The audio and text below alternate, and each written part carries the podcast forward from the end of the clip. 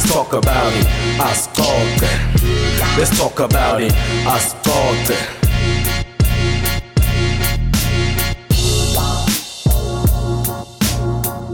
Merry New Year, Happy Christmas ng2022 iyasixoxa na Prince Vilakazi. Yes, uma ulalele i-episode yakho yokucala kulomnyaka lo because 2022 but in episode 32 we asixoxa na Prince Vilakazi. Pressa follow la ku SoundCloud uthole onke lama episodes kusukela ku episode 1 kufika ku episode 31 eh ngisene spread namhla ngiyacala ke kuphuma eBabaton la ngona khona kugcwele ihlahla incume nje so bengifisa ngabe le sound ingakuvisa lamandi le ngwavako la ngirecorda phambi kwakusinemfula i don't know ukuthi yini but kunemandi la ndlulako. So today nginaye la ku asixoxe na Prince Vilakazi kutoba mnanzi njani? Ngoba naye wenda i podcast but u everywhere u YouTube uku SoundCloud uku Spotify ngimbone aku bathi yini le something khona khona Patreon. Yes yes yes.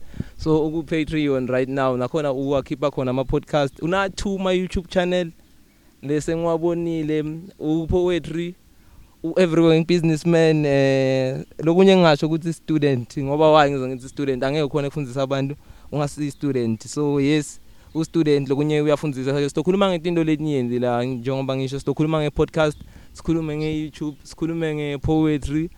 Sitobona ukuthi sitophelela laphi sitokhuluma na ngemabusiness so kutoba lula la kimi angeke ngisho ukuthi okay nginabani nabani ujwayele ku introduce so ngito wena kanjani mangabe bekuyi podcast yakho le boyo introduce uthini? Hello, my name is Mentum Kwanzaa, and welcome back to the Mentum Kwanzaa podcast. sure, sure, sure. Your Yeah. Prince, your intro was fire, hey? yeah thank you very much eh acaba ngihlale ngibukela le podcast yakho ngihlale ngihleka apply ngiyacabanga ngithi sonke lesinema podcast Sure. ngiwelesha ngeintro le different uqale ubingelele njengoba ubingelele then shanga lenye moment of silence. Yeah. I don't know. yeah. Then ngifuna ukuthi okay le moment of silence yani mara mawubuya le energy lo yayifaka and nalo podcast wakho u very different ngendlela ubita ngayo. So angade unga explain why the moment of silence kumbe vele sokuthatha le break ukuthi yabona mangibuya ngikuvisa ukuthi I'm back. Yeah, wanna sometimes yeah. um usually when I do these podcasts, mm. um I have a premeditated conversation yeah yeah, with, yeah the, with, the, with the guest. And when I start recording, um I put myself in in in in two mind frames. yeah number one, which is the openness to learn something, and number two, because I've already had that premeditated conversation, I always have to pause and think about um, the person's energy. Yeah, bo. And I think that's why you find that there's a pause in there. oh okay Yeah. and then Yeah. even even even if you listen to some of full episodes, after they are done uh, answering my question, I also pause because number one, they are allowing me to um, introspect who I am, and number two, I'm just thinking about what they just said, so I have to prompt and ask the next question. Yeah, so the pause is just is just to say, Guti, okay, I'm here now and I'm present. Yeah. Asikhuluma ngale ndzaba yema conversation because ngi- ngikhumbula sikhuluma i think it was last year ukuthi okay uba before ni yenda le interview because nyalo asikeni mina ngibuka lo msebenzi wakho then mangifika ngutshela ukuthi okay story ngangale span that's how i prepare. But wena uthi nihlale nikhulume nala umuntu ku- ngemuva before niyo lona kucala kuba njani? Yini le mhlambe niyikhuluma usuke ufuna kwathi lo muntu before you record na? I think usually I know something about them already. Yeah, just something, but I don't want to overexpose myself okay to them. kubo yeah um, I don't want to know too much. So, Yeah. so in the premeditated conversation, it's just asking, uh, "Who are you? What do you do?" And we actually lay out the conversation ex- as to where it's gonna go. But obviously, there are some things which are not. Obviously, most of the things are unscripted. Yeah, bo. Um, so in that con- in that premeditated conversation, it's like a vibe check. With what are you comfortable with? You know, because we don't want to make the guest uncomfortable. Yeah, bo. Because I always tell my guests, good see if there's anything that you're uncomfortable with, you'll just say. But mean in the premeditated conversation, I just find out who you are, and we we basically bounce off energies. Yeah. Njengawe, as as we were talking in the car, we were bouncing off energies to see uh, as to where the conversation might lead to. Yeah. So so isplitter kabi le conversation le. One itoba ngemsebenzi wakho because i think that's the part lele ngingakhuluma ngayo ya ngacabanga singena even na 5 Sure. ma interview ngayo then story splitter siphinde sithathe ne background yakho sikhulume ngawo. Sure. so njengoba ngibalile ngina na two my YouTube channel i YouTube channel lonayo kunale poetry yodwana. Eh ngibone i cool blind leyo sizokhuluma ngayo. Se kunale YouTube channel le yamenza imkhonza which kunala ama podcast but kunalo wenda lama content khona ukhuluma ngeeducation nani nani so mawungahlanganisa umsebenzi wakho explain lo menzilo lo sebenza ukuthi yini ngiphi into letendako kumsebenzi Sure, wakho on both channels or just in general? in general kuko konke from a business person kuthi okay amenzi ngakubekisela ngami mina I'm a content creator yeah. then I'm a media personality uh what other stuff but yeah nginema position lamaningi Sure. la ku media Yeah. Uh, I mean, uh, the first thing I'd like to say is that I'm an alchemist.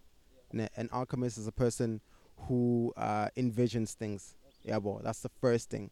And then sub under that is uh, a brand strategist. So I do brand strategy for companies and businesses, and uh, I'm a qualified graphic designer.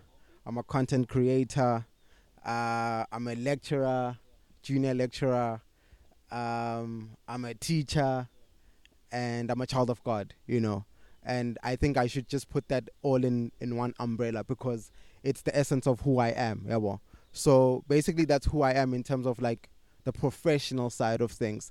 So under the words in my mouth um, umbrella, which is the poetry side, um, there I'm the founder and facilitator. So in my portfolio, there is I manage the business, I talk to clients. Basically, in a way, you could say that I'm a solopreneur. yeah So I do all of the Yeah, uploading. okay, I do I do all the social media. So if you DM me on words in my mouth, you're actually talking to Menzim Konza. Yeah, unless obviously uh, uh, uh, we hire um, a social media person. Uh, but I usually have a team around me, or rather a team of friends that are always supportive. You know, uh, one person that I, I'd really like to send a shout out to, or two people actually, I'd like to send a shout out to is to uh, Mamiki.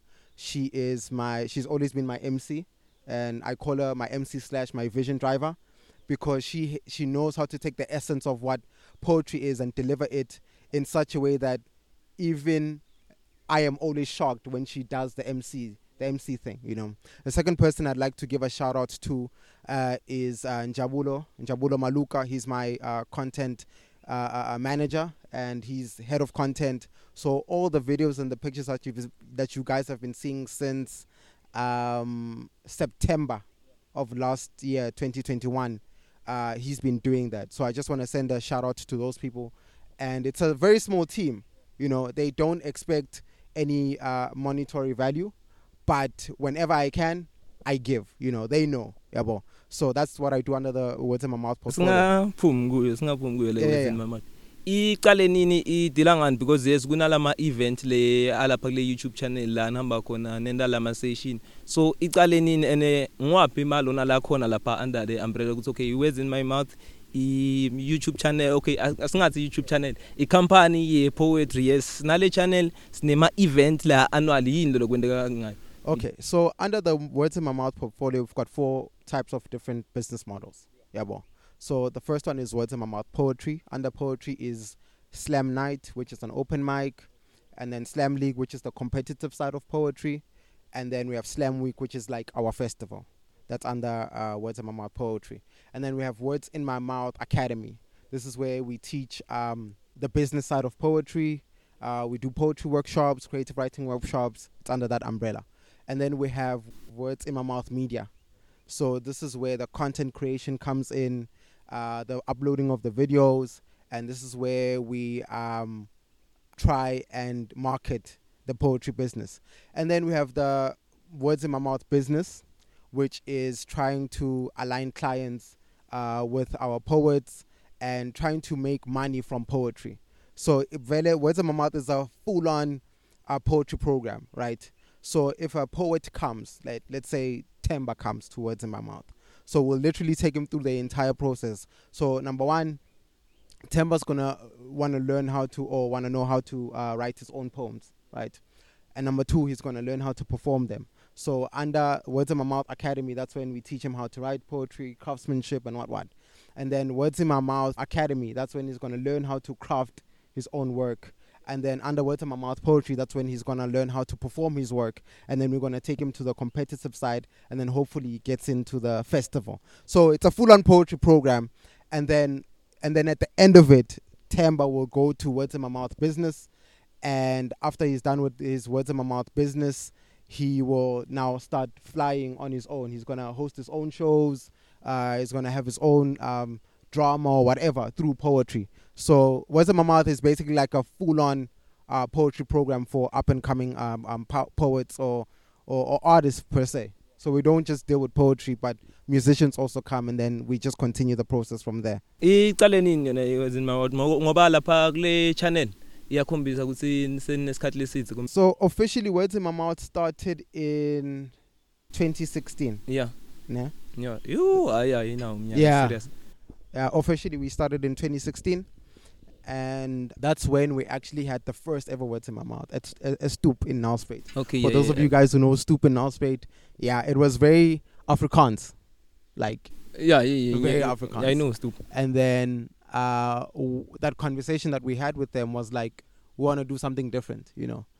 But during the course of that year, um, I was actually performing at every open mic, like every Wednesday. Prince, like every Wednesday, I was there. I was performing my work, you know. And then kula ma sorry ku- kungena Sure. in kula ma session le baba nawo because I into lengiyatiko ne ukuthi bavame kuba nema artist abo bebanokwa advertiser ku Aha. newspaper I think Yes. any yala mpumalanga Precisely. every weekend yeah Yeah. kuma gig guide abo So, Mina, my plan was for them to get to know me, yeah, boy, as number one as a performer, number two as as as a, as a professional. You know, back then I just didn't know or have the idea of what I was going to do with poetry. So the idea was to just be consistent in it, you know, perform. So it got to a point where they they knew me, nah? and then I was like, guys, I want to do something. Uh, it's going to be a poetry session. What do you guys think it's going to be? There's obviously going to be music, yeah, boy. What do you guys think? So they are the first people. Uh, I forgot the, the, the their, their their names. Sorry, Stoop. yeah Yeah, yeah, yeah. So, um, I mean, the owners. So they gave me a shot, and that's actually when we started Words in My Mouth. You know, it was it was actually the first event was called More Than Just Words. Uh, a good friend of mine designed the poster. Biscuit, shout out to Biscuit. Yeah, I'm gonna be sending a lot of shout outs because yeah, these people. deserve- yeah, today yeah, yeah, yeah. These people deserve de- de- deserve their credit as as I speak. You know. So he he was the guy who was willing to help me design the poster, and then I I sent it out to uh, another friend who I just knew at that time, who was he was uh, an acquaintance. Who Nipo. I don't know Nipo but shout uh, out Ni Nipo poetry. He, he's a poet. So Okay. I sent it to him. I'm like, bro, I heard that you do poetry. Uh, do you want to come through and perform? So he posted the vid- he posted a poster on on on Facebook. Right. This is now the turning the the the the, the, the turning uh, the turning point. He posted and he tags Karabo Mukhale. Karabo Mukhale the previous year won yeah, I don't Idols. okay Right. yeah yeah, yeah. So he texts Karabo Mukhale. Karabo Mukh- Mukhale shares it and it blows up oh like I am seeing 150 likes, like 30 shares, and I'm just like, okay, maybe this thing might work, right? So on the day of the show, all you see is a sea of beautiful black people. yes A stoop. it's stupid right now A okay stoop. yeah ngiyakuthola So for for for the owners at Stoop was just like, La what's actually happening Yeah, because yeah. they've they've never had a group of, of of of of black people like that in their shop you know? So basically that's how we started it words in my mouth through um through through friends through me knowing a few poets and then only in 2017 the following year we uploaded our first video uh, which was uh, another good friend of mine. He was uh, he's from swaziland uswa. Uh, he was our first video and he delivered a dope poem. You know and then that's actually once again that's when we started doing uh, the digital side of, of things as as words in my mouth. So benide industry ye poetry There was no ngaleso sikhathi industry. la na, na sport. There was no industry. And i think um credit to kasambo jam sessions. Yeah shout out to kasambo. Uh mom carol if you're listening to this shout out. Um so what they did at kasambo was to give platform you know. Uh i think it was every last sunday of the month uh we used to perform there eh, eKhasambo, and there was a very small poetry session, you know, and I think um, Enlighten the poet he actually started those sessions, you know, and then we, and then he continued them, and then it kind of like stopped. But then while I was also performing at Stoop every Wednesday, I heard about Kasambo. So every every last Sunday of the month, I used to go to Kasambo and, and perform, you know. So yeah, there was no industry or something that was really like solid in terms of poetry up until I, I I personally think up until I stepped into the gap and I was like, okay, there's no industry for poetry. Let's see what we can do here.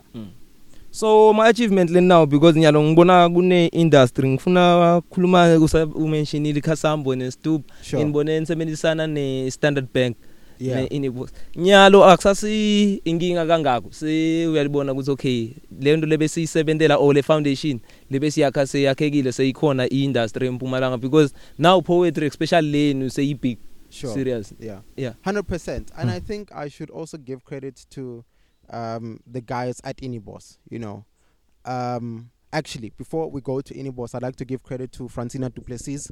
Uh, she's been my mentor.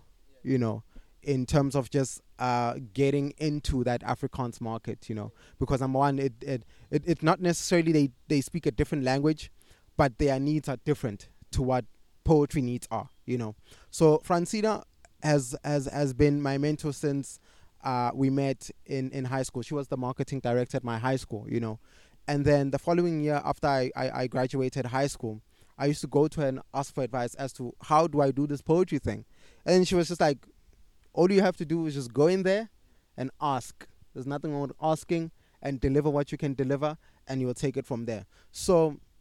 Shout out to Inni Boss and Andy Loeb, who's the owner of Inni Boss, and Phil now, who actually was in direct contact with me um, um, um, before I actually got into that room. So what happened was the the day of the interview with me and Inibos. This is this is the first encounter with with them. I went to Francina's office, and then Francina had a chat with me, and then she was like, "Dude, if you don't make it, it's okay, as long as you show them what you can deliver, you know." And then uh, when I went there uh, to to the Inibos offices, um, remember I'm the only person who's a person of color in there, you know. So you can just imagine how in- intimidating that was. And number two, there's a language barrier. I can speak Afrikaans, but not that well, you know. And that "Gekge boss, hey, yeah, hey, hey hey, gegaan, yeah, you know. So, so my with, with even with my broken Afrikaans, I went into that room, and yeah, we had a small chat, you know, a small nyana interview, and this is just now at the back end of uh, me now performing at Stoop, them seeing. It's okay. There's something happening in, in Oh, poetry. oh, yeah, you know? yeah, yeah, yeah. So that was always a process. It's Mm. always been a process, you know. Mm. So when I chat to them, um, and then they're like, "Okay, show us what you got." So I did two poems, and by the end of that, by the end of that interview or or, or, or that meeting, the, literally the whole office started crying okay because yeah, of what yeah. I was delivering. you know. Mhm. So you can just imagine I'm I'm a kid. I'm like what? I'm like 19 or 18 at that time, you know, 19 or 18 at that time. And I'm like what what just happened? Cuz I've I've never been in that situation before. I've always I've always related to music in some shape or form in that way where people cry. But then words, what what does that mean? you man mawuthi people cry vele jwayele kukhalisa abantu kulele No, no, no, no, no, Oh. no, no. oh la ubona abantu That was the bakhala first time Yeah. ngabona abantu bakhala over poetry. okay yeah yeah, that was the first time I, I saw people cry over poetry, especially number one where the language barrier. They not they in in some instances um, they're not really good at that uh, in English, you know. So you can just see that poetry, as Mamiki would always say, poetry is like an energy and a vibe and a vibration, you know. And to see that happen to me, I was just like, okay, maybe we do have something here. Maybe poetry can resonate to everyone and anyone, you know. So they gave me my first shot at the Bomaker Theater, you know, and uh, they gave me like a 15 minute slot. yo So I had to do uh, Afrikaans poems and then end with an English poem. So number one, I had to go back and be like, yo, where is Taletonga by Matthew Sposa? Or where's that poem by um, Ingrid Jonker? You know, I had to literally go back and relearn my my high school Afrikaans poems, bro. High school, you know. So I performed there uh, for four days flat. I invited a good friend of mine, Timothy Timothy Baloy, uh, he's also doing some big things. So yeah, I'm giving everyone their flowers Yeah. today. if ngabona besinemahono if bowutobita ligama besidropha nga-one one yeah. Mm. And then uh, I that was on day two, and then on day three, uh, uh, uh, uh, um, I performed another another good friend of mine. He's a big musician now, uh, rather saxophonist, uh, Kangi. Uh, shout out to Kangi. He could actually play guitar and sax at the same time. I was like, yo, this nigga is dope. This guy is dope. So shout out to them for for actually assisting me in, in those performances. So mine when when when I perform, right? I I I like I, I like to bring other people with me, you know, and hence why um it was easy for us to collaborate with um Inibos and and and Standard Bank, you know, um because I, I think I think the opportunity when the opportunity presents itself, I always think of others, you know, well, how can others benefit, and hence why Words in My Mouth the platform exists, you know, it's not just for me as a founder and a facilitator, uh, but it's for other people to to enjoy. So that's actually how we uh, collaborated with with Inibos. I know I said a mouthful. yeah ngikufuneka lokho because ngifuna nambe ngifuna le understand so i-newspaper ite njani kutholakale seyikhava letinto leyintendako because ku-newspaper kubonakale kuvela wena u bakhave nestory ne-standard bank ya kubonakale kuvela Sure. wena uperform I- Yeah. Um. So my relationship with the Lofelder, I think, it started long time ago. Once again, you know, like everything is you build a relationship. You know. Uh, F- Francina Duplessis once again. Shout out. She had a good relationship. She had a good relationship with the with the newspaper, and then I think um in high school, I had an article, right, on my own, and I was just talking about the issues that were surrounding our. Hey, I was an activist. Uh, uh, yeah, uh, surrounding our school and our stigma uh, around how sometimes High was not uh, really invited to things, you know, like specifically athletic events, you know, where where we could actually perform and do our thing, you know. So I was just like, yo, um, I think I should stand up and talk about one, two, three, four, five. So I did, and they did an, an article. Later, Mm. later that year, uh, later that year, we were actually invited to a particular event uh, that I was I was fighting for. So that was that was cool. So my relationship with the with the loafer has always been progressive, right? And in the following year, when I dropped my book, The Pressure of Love, once again I spoke to Francine Duplessis. I was like, "Yo, dropping book. Is there is there any is there anyone that's willing to write a story about me?" You know? Dude came through. He did a story about me, and then it's so it's so it's it's so grew, you know. And then to a point where um, the low father would actually text me, you know, and be like, "Yo, when is the next event thing?" Yeah. You know, shout Okay. out, shout out to uh, Bridget.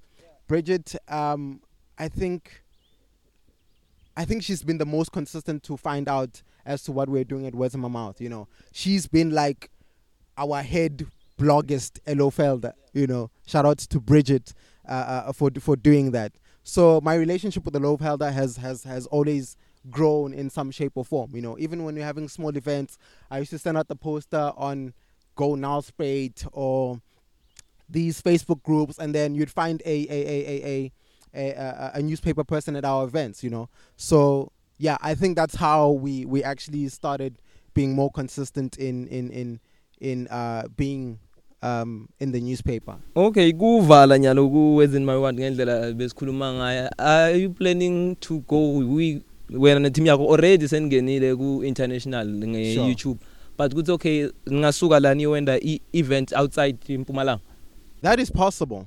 Um, shout out to Scouts of Light, Dionel, Clementia, and Brilliant. So I've been not necessarily mentoring them. Yeah, I wouldn't say mentoring them, but I've I've always been been calling them to come to perform my words in my mouth. So basically, uh, there's this nice lady, uh, who Kellyanne. yeah Kellyanne is from America. yeah okay So she lives in Akonuk and she takes care of the three kids that I just uh, mentioned. oh You know? okay So in 2018, she wanted a poetry organization per se, or where these kids can perform their poetry, you know. And she found us as words in my mouth. And they are in Akonuk, and then they literally came down to perform at our festival, Islam Week, you know. And that was beautiful, man. That was beautiful, and we still main, maintain that relationship uh, uh, to today. Uh, last month, which is in December, we actually had them again for our uh, open open mask season two right so that is definitely in the pipeline that's what i'm basically trying to say is that the relationships are there you know myself and noah Piri, shout out to noah Piri. noah Piri was my right hand man from um 20 was it was 2016 up until uh 2019 yeah beginning of 2019 shout out to him he's been like i've been the father of words in my mouth he's been like the uncle Okay. you know shout out to noah Piri. yeah, familiar. yeah, yeah, yeah, yeah. you know, very, very good friend of mine. He's been very, very supportive. You know, uh, so we have been also uh, been in good relationship or talks with Word and Sound. Word and Sound has has given us their system of of of their what do they call poetry league. And then we took their system. They they were kind enough to, to give it to us, and then we called it Slam League. You know, Oh. and then that relationship now brought us to a bigger stage, like being in conversations with World of Words. They are also in Joburg, and being in conversations with uh, Poetry Africa, which is they are like the biggest in in essay right now. Yeah, but well, we're gonna take over so, the soon. Okay, at least yabona nyalo kuyavakala Yeah. kuthi nyapha. So asicale nge uma kulalele i poet ne ma poeties nyalo. Uthi if mabafuna ku joina i words of my mouth bangena njani kini? So they can just uh, email us, email or DM or send a message. Then uyasho ukuthi okay ngifuna ke eclassini ngoba ubalulekile ngokudlela ti Yeah. hlukane hlukane ngayo. Sure, Yeah. Um, i basically, if you email us and then we'll, we'll cater to your needs. You know, everyone everyone has different needs, and then we'll just obviously. I mean, I, I open up myself to having a talk. You know, because sometimes a person will be like, "No, I want to perform," you know, and then you find out that um, they don't they know how to perform, but then they they just need a platform, so that that teaching them how to perform is going to be totally useless. Oh, okay. Yeah. Yeah, yeah, yeah. So so maybe they, they, they know how to write, nah, but they they sign up for the writing class instead of the performance class. Then the writing class is going to be completely useless. So I mean, I, I literally give myself or give them time to be like, let's jump on a Zoom call, let's jump on a phone call, and let, let, let me let me let me assess your needs. You know, I'm a brand strategist by nature, so I have to understand what what do you, what are your needs are currently? And then let's see and then every program is is is, is designed uh, or catered to a, a different person. So if you want to learn how to perform first just for confidence and then you want to go back into writing that's totally fine as well. So people can just dm us or email us and then they'll speak directly to me either or. Kunani kune khona le mali yokufundza ukuthi sifundisa ngemali lengaka kulama classes. yes. Okay, ungasho okay we, we have a poetry curriculum curriculum support program which is for high schools. So there we charge uh, 2000 rand per scholar you know and we take uh, a maximum of 15 students right? And then for these small classes it's usually ranging from uh, 100 rand to 700 rand depending on your needs once again right? So Um, akubi nekuthi isikhathi lesingakanani njengoba wathi depending on my needs. Kuya ngokuthi mina Angisho, Angisho, it, it, it will depend on, on your needs. So if, if you want to learn how to write in three weeks, that will be catered for you in three weeks. If you want to learn how to write in one session, yeah I will give you the one session with some YouTube Yeah. content to follow. yeah yeah, Yeah, Mm. So we, we, we, we multimedia, you know, we can teach online, I can teach you physically. You can go to our, our resources on YouTube. I can send you some links, you know, so that you can also learn from other people. So it will just it will just depend. But then the main focus that we're going to be focusing on this year, particularly, is the curriculum support for high school because the kids that are the next poets are in the high schools. so sikolo masifuna kuni approach asite kini kuthi okay eh sicela kunifaka esikolweni nibe ne syllabus yeni kube nibe ne subject Yes. kuba ngaba ngcono njalo because labantwana sometimes angeke babe nemali but isikolo singaba the head the head of cultures or the the, the school governing body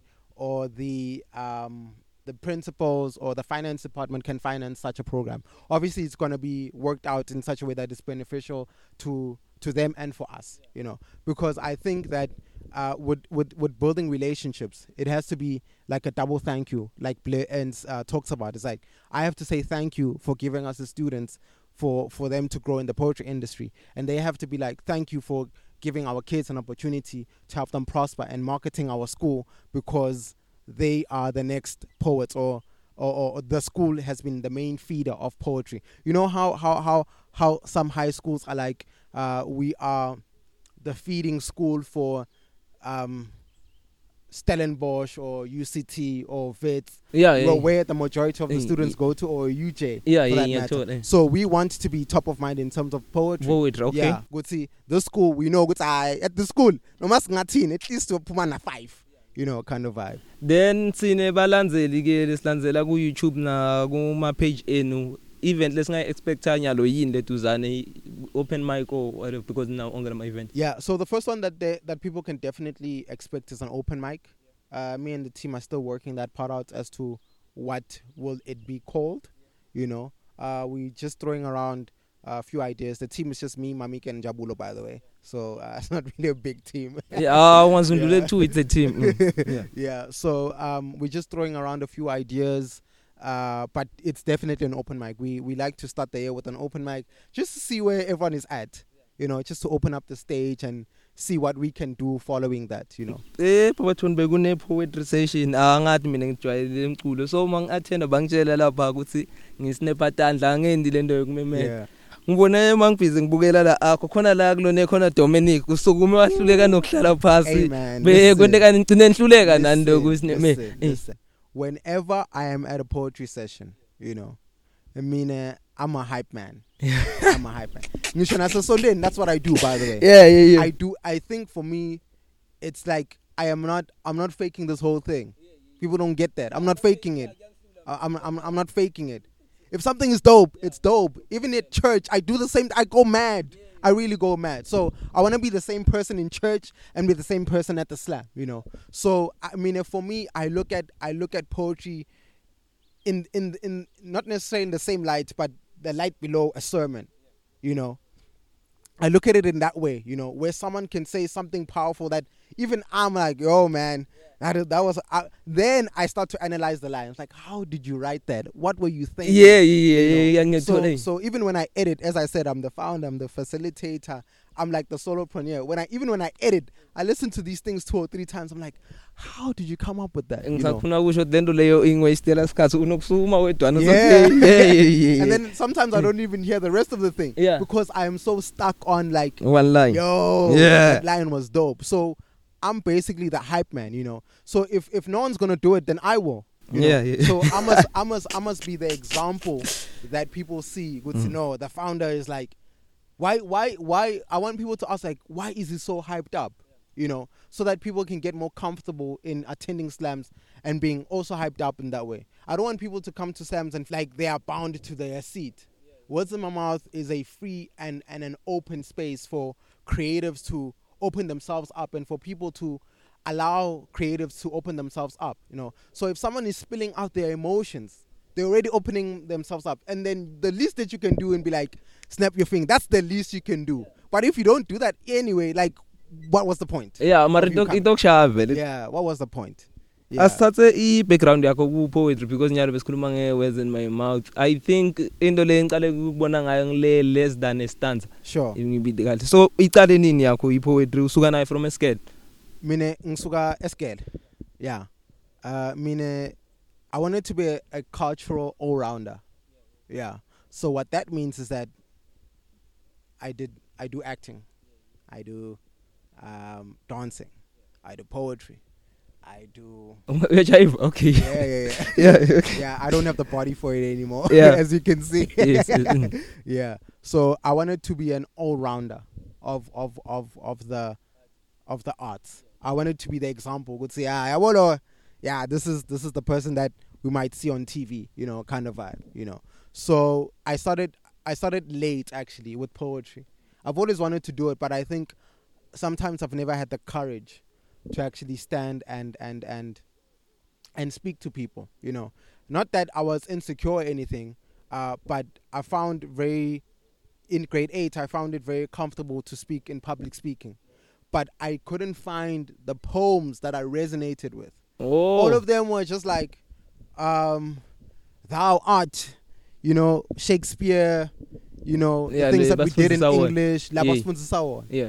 But the moment I unlocked, the first video I watched was Ooh Genetics. She's a Christian poet, and then she she she said a poem about I will wait for you, you know, and that poem was beautiful. It's got like a million views, if not millions of views, you know. That's that was the first poem I listened to, and then subsequent to that, I listened to Urudi Francisco. So from grade, late grade eleven, this was just after I had Stedford, I listened to Genetics and um, Rudy Francisco, and I just got in awe as to how a person can just write deep and cool, profound words. I was like, that is dope. And then you hear people in the background snapping their fingers. You, you hear people wilding. I'm like, oh, musla, you know. So so so so, I got I just got in awe with that. That I think back then I didn't have the courage to perform like a Shakespearean poem. So in matric, I was just like, let's try this poetry thing. You know, let's do a slam poem. Let's let's do and then and then I'm sure there's undramatized and dramatized. I was like dramatized. so I did a slam poem, but also they were also confused as to how they could market. That's what that's how you knew it's I man. I man, this thing is different. It was it was a different market, you know. So back then you had a lot of uh, uh, uh um, white people marking or curating your, your your work. So sometimes they didn't understand as to where we come from as as as as people of color you know. So for them, it was kind of confusing to be like, how do I mark this thing? They had no option but to give me high marks. Yeah. So that's when I started my, my poetry journey. Mm. And then um, at the end of the year of my of just before I started writing exams, uh, I performed at honors evening, you know, which is like the academic where people get academic awards. Oh, yeah, yeah, yeah. yeah. So I think that's when I actually saw, would see, this thing has a future, and then that led to every Wednesday. Stoop. I was there.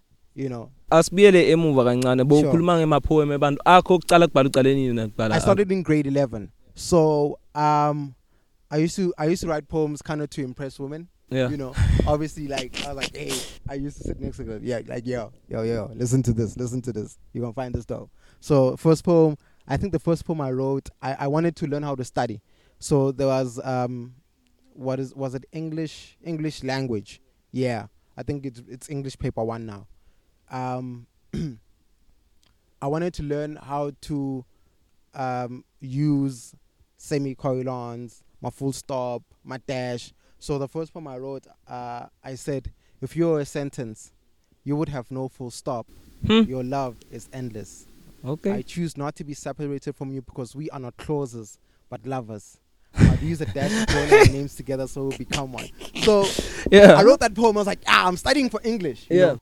And then that also transcended into visual art, you know, where I, I, I, I, um, I wrote a poem about Cezanne.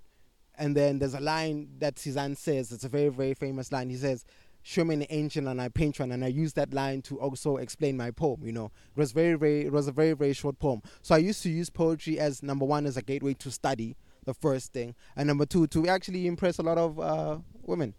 Yeah, but now I don't I don't do that anymore. I've grown. yeah ngifuna nesakhuluma ngehistory ngawari oke wawathola lapha esikele because much talent in music or even ngakuthatha ngubisele lokushini mapansula anyone lo enda i-art by that time even nabo DJ you know right now so khona lo wake wabathola or asikhiphe wena mangabe mhlambe utosa yes Funny enough, I, I, I, I, I used to look at it in that way, but I was not interested in that. Um, mm, okay I, mm, nah, no, I was I was never interested in dating. Uh, I was never. I was just like, yo, yo, yo, yo. You wanna listen to this, and then flirt, and then pull it up. then Yeah. asikhulume ngaleli zidane stanza ufike njani kuye I'm still writing Lesson a Stanza, by the way. So Lesson a Stanza is my second book, rather my sophomore project, and I feel like that book is gonna be so important to me as a human, as a growing, as a growing man, and number two, it's gonna be important to the now spate poetry culture. So what Lesson a Stanza actually, um, um, um, um, I actually came up with the name just after seeing a, a- friend of mine. You know, he was he was an artist. We used to be in the same matric uh, uh, group. Um, yeah, he passed away, and um, after coming back from his house, you know, he actually gave me his painting, and I was like, "Yo, bro, I want to use your art ne, your artwork on my uh, on my book, you know.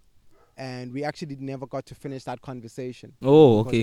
away. so yeah. So I can't- ngiyiso- Even if he's, he agreed, I can't be like, I can't use it, you know, uh, because his family doesn't know.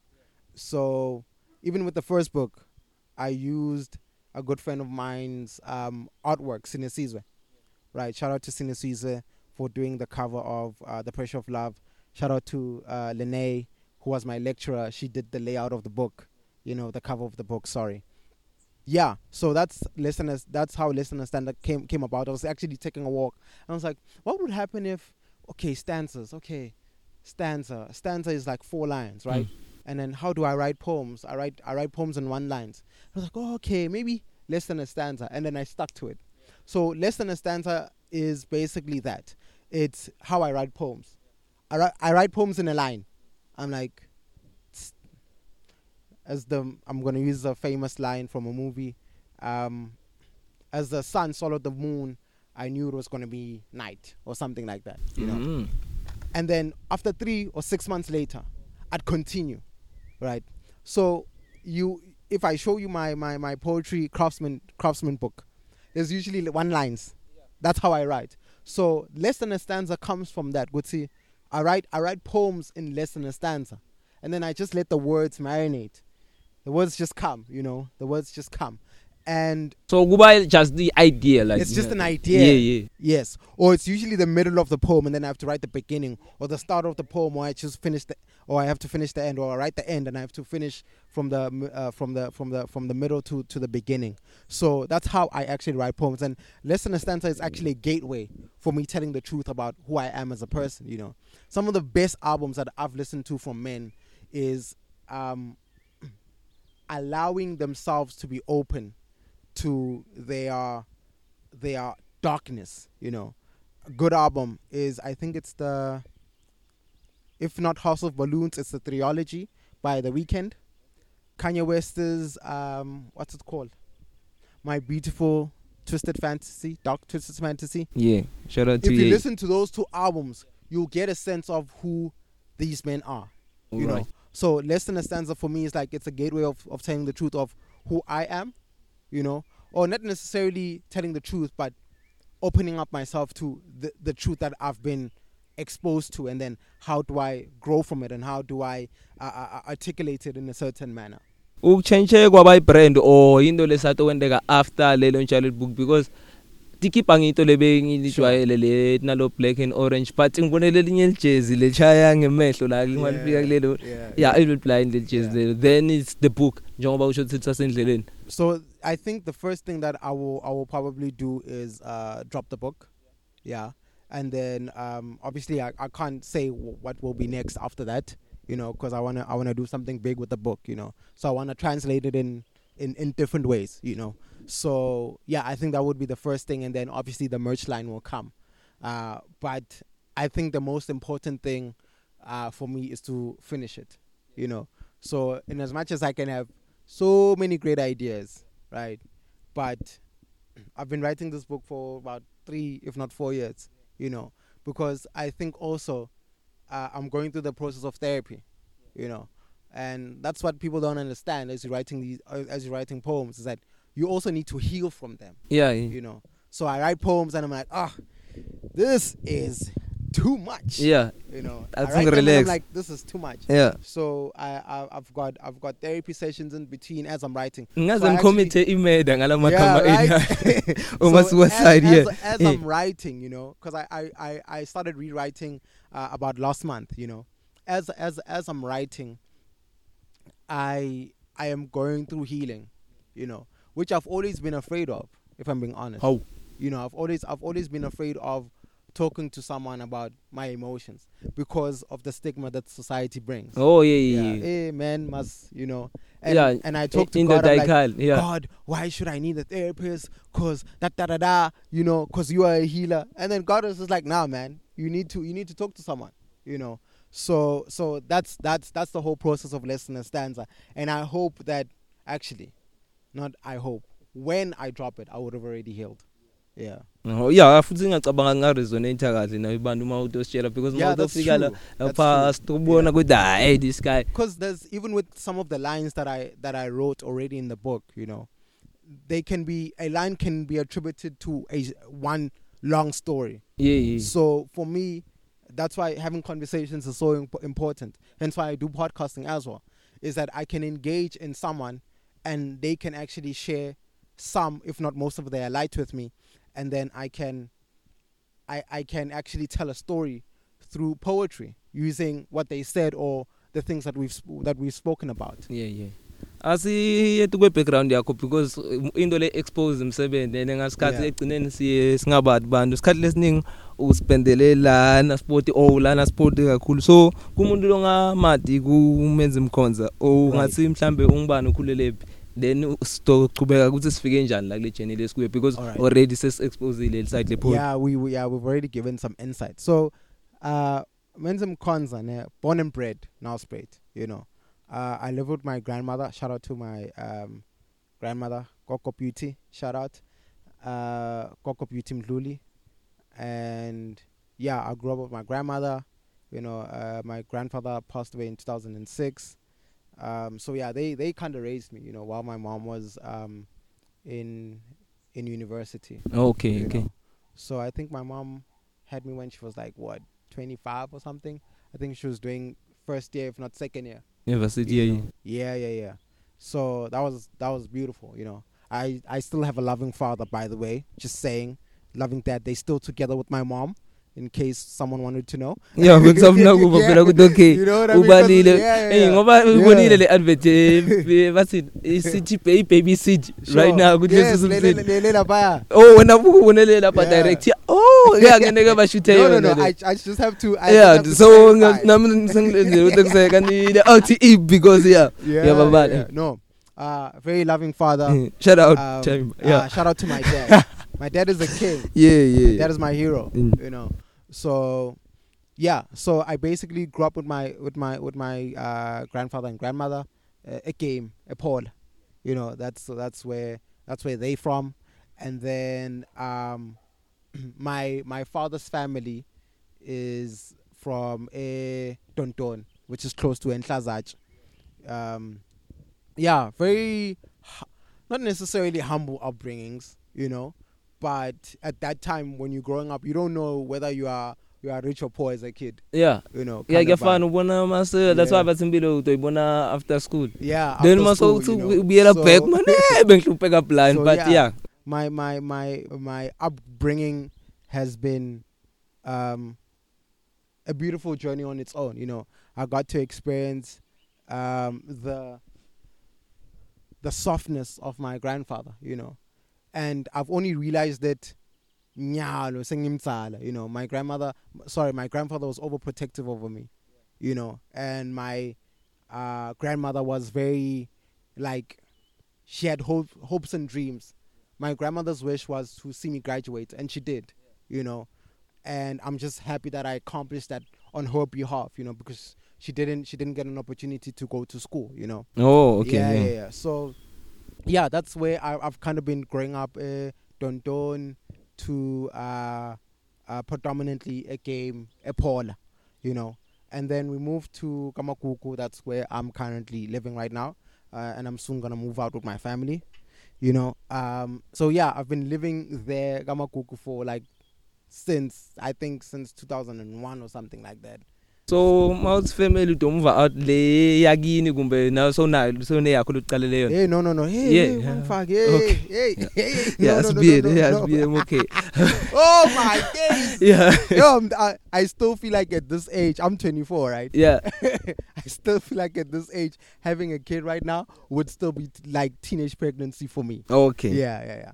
Uh, but yeah, no. But my my family, which is my mom, my dad. I've got two sisters, by the way. yeah very sto beautiful. eh, eh, Yeah. episode yami le kuyi favorite kini it's Sure. over it's over Ovary squad. we're Yeah, gonna yeah, get yeah. there so ungawari bosisi wakho shout out to Yeah. them Shout out to big time lethi ngalelo nangale episode leya so i wish kuthi ingendeka but stofe kuthi ingachubeka because bengi expectile ukuthi Yeah, yeah yeah, Yeah. no, we we're still gonna continue. Bongis was actually down in Durban, uh, yeah, she's busy with school. But when whenever we get the chance to come together, we'll record. We'll definitely record. yeah something. that's fine So yeah, uh, shout out to Bongiswa and Agwanda. You know, those are those are very very two bright, beautiful girls.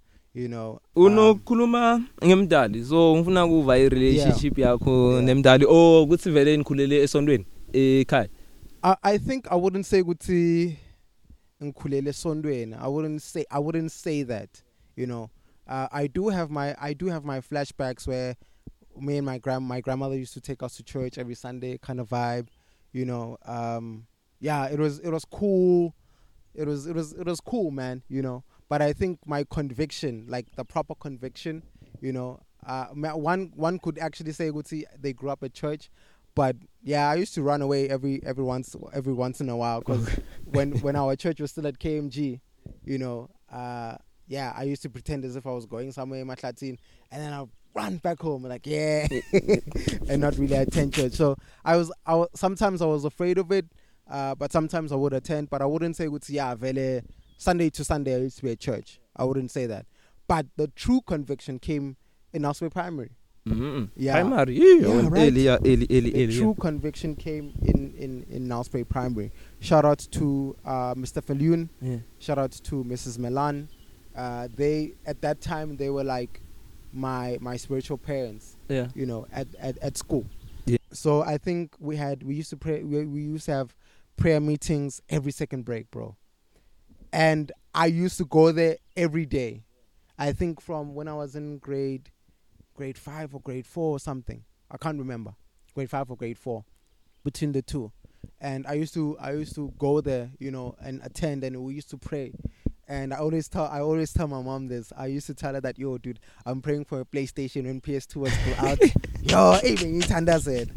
Uh, and I'm gonna buy one. I'm gonna buy an Xbox X. yeah yeah, soon, soon. yeah I'll tell you all about it. yeah So I'll, I'll, I'll, I'll, I used to pray about like, not necessarily dumb things, but like I, I think the one because it's a joke now. It's funny now, but I think the, the true conviction came there where every second break we used to pray, and then I used to come up with prayer items. You know, uh, when the whole kidnap thing, kidnapping thing was still big in Nelspruit, uh, I interrupted the, the prayer meeting, and then I was like, let's pray for this thing in particular. You know? okay Yeah, so yeah, and then my leadership then grew stronger, you know, in God, you know.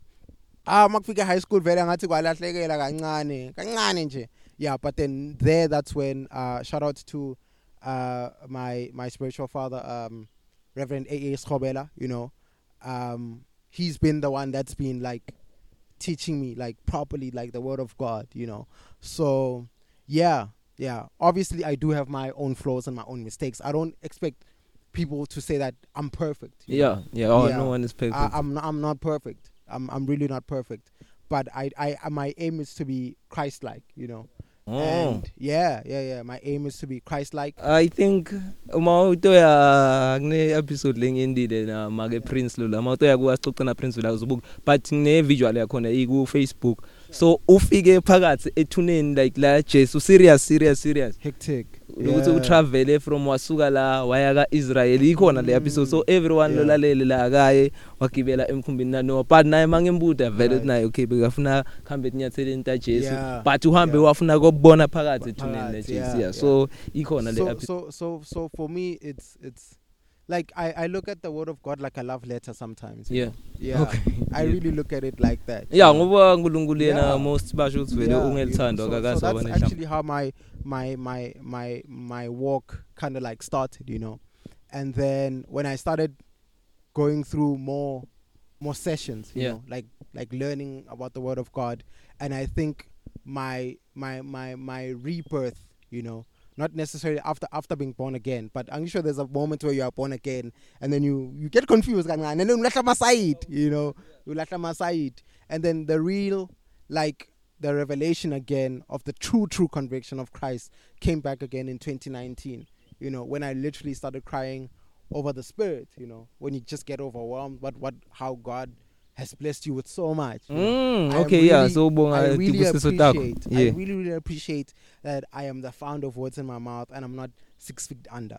There are kids in America who maybe want to do this poetry thing, but because the environment is so violent, yeah you yeah know, yeah they could just walk out their house and be like, boom, Bu- spam. yeah mina ngikhumbula buka wena bekusayigcina eAmerica kuke Sure. kwenteka back in the days la Africa Right. babhizi beshathi okay umntwana uphuma uyothenga singo but awusisho 100%. ukuthi utobuya so Yeah. singakubona ujoyina kabelo mabalane na Mr Sylvan as a pastor kumbe something lo Sure. ngakayiplani but mayito wendeka ukuthi will take it I mean, look, Mine, it's all about the calling, man. yeah yeah yeah I think uh, my calling hasn't reached that level. yeah Yeah, boy. my my calling right now is in poetry. If I'm being honest, my po- my my calling is in poetry. I can I can feel good. There's a there's a real conviction there. Like, if you say there's a slam next week, I will go. yeah yeah yeah Will go. You know, um, my my my right now I feel like my calling is in poetry, and then poetry can be used as a tool. yeah yeah, yeah. everything know. with music yeah yeah, it can be used. Some some people don't understand that. Is that everything that you do can be a tool. Even this podcast can be a tool to help someone out there. You know. So that's how I I I, I like to look at things. You know. So then again, the true conviction came in 2019. You know where I started to be fully appreciative of number one of the life that I lived because I I worked at a job that was earning at that time more than my friends, like my circle of friends. I was just like, God, vele ubitemine, yeah you know. And then I worked in that job. Obviously, um, not obviously, but I had to I had to let go of that job because the environment was toxic. Yeah, you know. But the journey there taught me that if you stay, if you just stay grounded in in who you are and who God has called you to be, things can change. I went there last last year in 2021, right? And to see the things that are not necessarily fighting for, but people were not wearing formal anymore. People were just like chill because. Hey, Yeah, dog. man. Hey, Monday to Thursday it was formal. It was only Friday where you were, you were casual. you yeah know? yeah And I was just like, that doesn't make sense to me. Mm. It really doesn't. You know, you should be comfortable at work, kind of vibe. yeah yeah Um, we are also once again we're a marketing company. We need to take things and deliver them. So vele letimbahla letimasheti ayongola. yeah yeah yeah Ayongola. That expensive shirts that that I used to wear. I don't- I was I used to be like, yo man, I'm wearing a very nice and expensive shirt today. I'm not I'm not doing this. no You ngikhumbula ku retailer like Yeah. um and that- that's why nam if bathi demon i don't care Yeah. ku retailer uthi ngisuke endlini mfethu ngigcoke kahle ngiyopathi masuke uyophatha libhokisi mina I was Yeah, like yeah, ngeke ngeke and mangisuka ngiqhamuka ngigcokele etinye ibadla lami elifanayo khova ba complain about them six ngaqhamuka ngigcoke kahle from ukuthi into phakamisa Yeah. leli Yeah. so so, someone might look at it as like you're not humble but the thing is mina i am big on communication. Like i am i am big. Like uh, i am i am big on that. I'm big on over communicating. Would see if if today you you you think that we're going to do something that's different from our normal day to day at least let me know. Or at least ngiphathe letinye timbali oh okay Yabo, yeah yeah i don't yeah mind like i don't mind the box yeah I even don't bo my mind. sister bo ba notice abahlale ba ready Yeah. baqhamuka bashaya amahilabo lapha Yes, bafuna and kwispan then, and then, then they ba have flip flops. yeah. Yes, you see, you see what I mean. Eh, Yeah, so usho ukuthi ngimajida lesemu yeah, or yeah, bashere maybe, maybe some. yeah yeah. eskele ugele from primary to tertiary So I went to Northwood Primary. I went to Lowforth High School. Um, I went to Unigrad College, and yeah, that's that's when I actually started my professional life after Unigrad. so eskele because njengoba usho ukuthi bo- bowudila ngetinto te art ufuna kuba all round art Yeah. Ngi- ngiyiphi specific career lebo ufuna kusena Oh, I always, I, I love, I love talking about this. I've always wanted to become a creative director. mm. Oh. yeah so vele le creativity oh, I've, base I've always wanted to become a creative director. why like, creative it was- director yeah It was, it was something at that time. It was something that was unheard of. Okay Yeah, well, yeah everyone wanted to be like a doctor or do engineering of some sort, you know. But mine, I was, I knew that I was good in art, and I knew I was kind of good at design, you know. So vele, my way of thinking was like, ah, vele, I'm gonna be in the art field, you know. And hence, when uh, I came out of high school, I actually wanted to go into marketing because I was so inspired by shout out once again Francine Duplessis. Uh, yabona bebe dope. ma award le Yeah. angathi singabe usikhuphe ngakanani Yeah. ngabe out ceremony yeah, because she, she she was a, she was a good marketing director. Yeah. very very good marketing director. So I was inspired by her. So, and then once again, it it didn't work out. You know, then I just gravitated towards design, so uh, graphic design particularly. So yeah, that that for me became very comfortable. And then once I started doing uh, graphic design, I realized there's actually an, an option to become a creative director.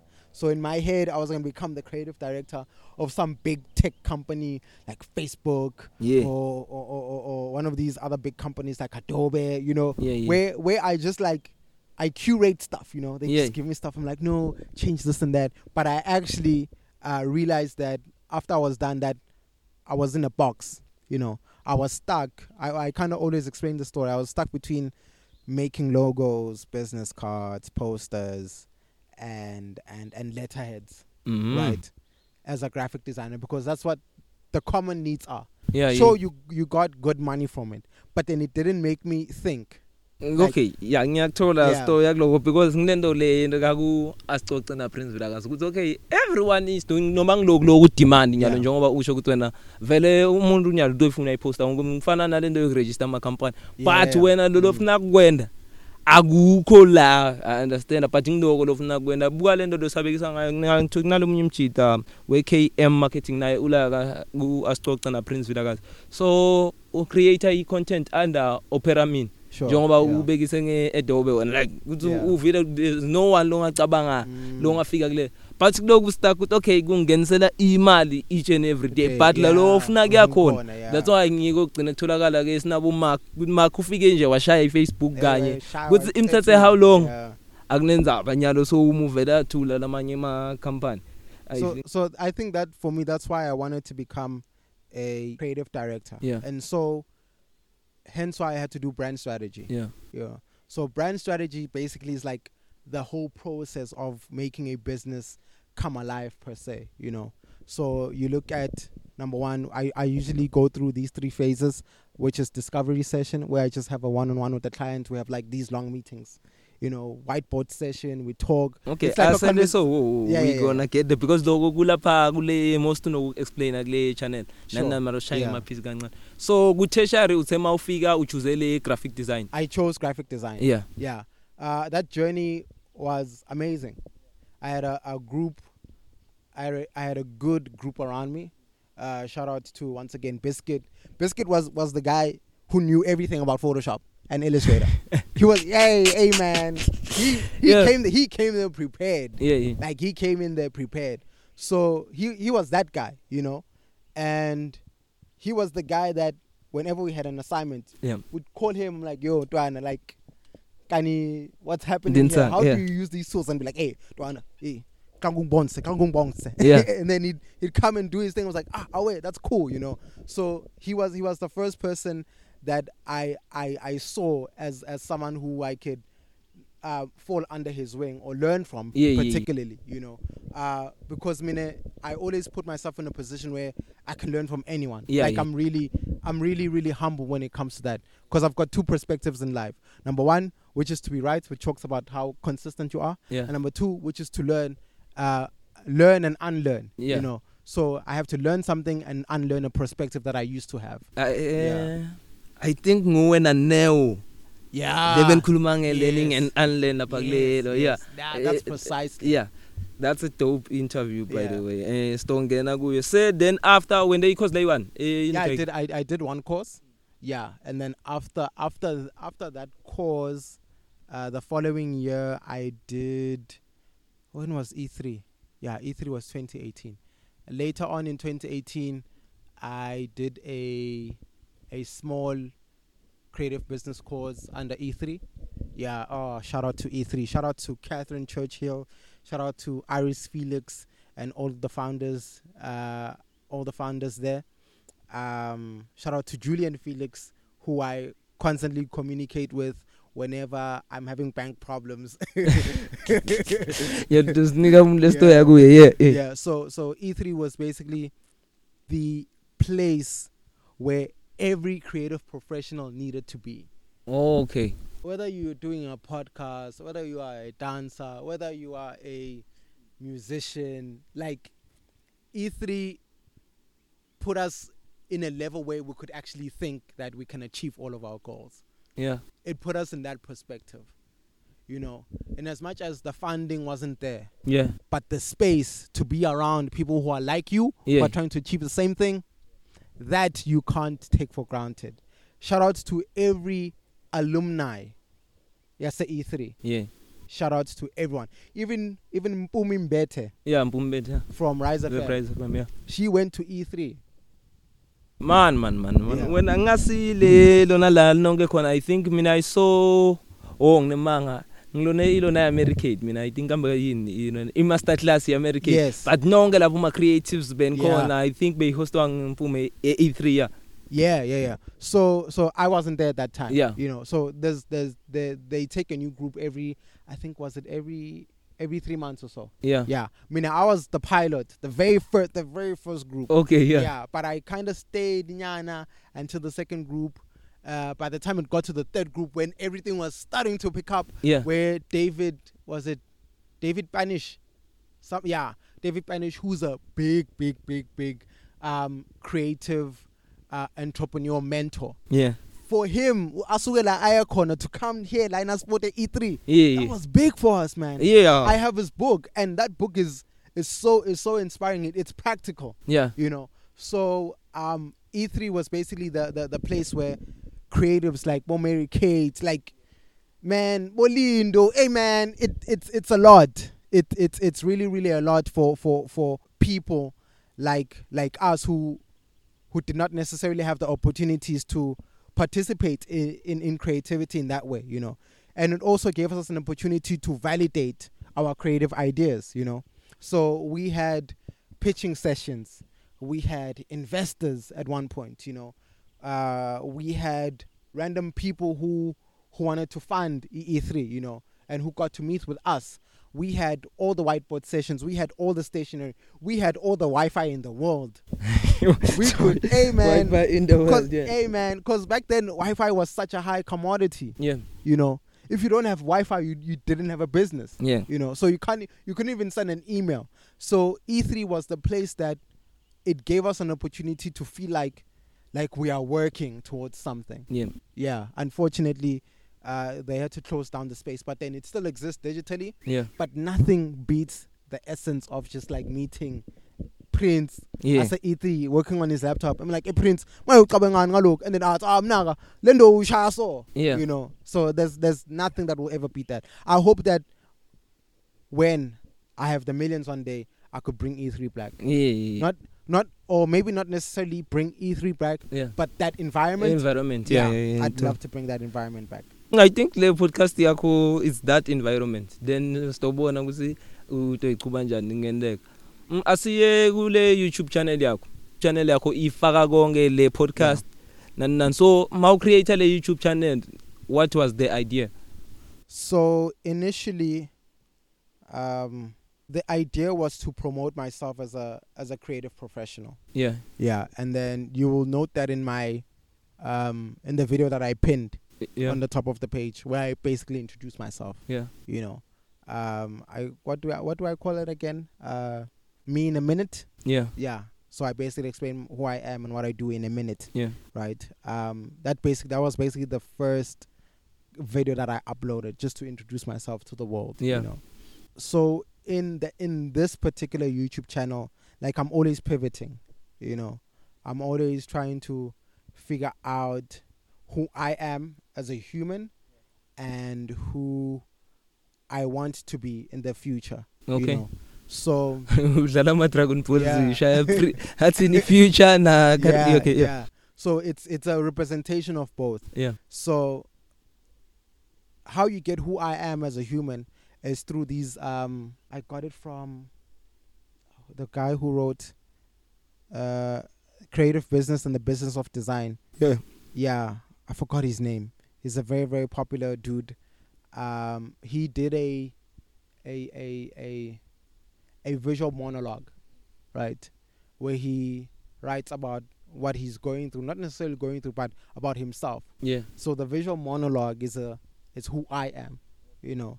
It's basically like a reflection point, yeah you know. Um, but I was supposed to do one just after September, but I lost all the all of those videos. yeah yeah Yeah, like my card got messed up.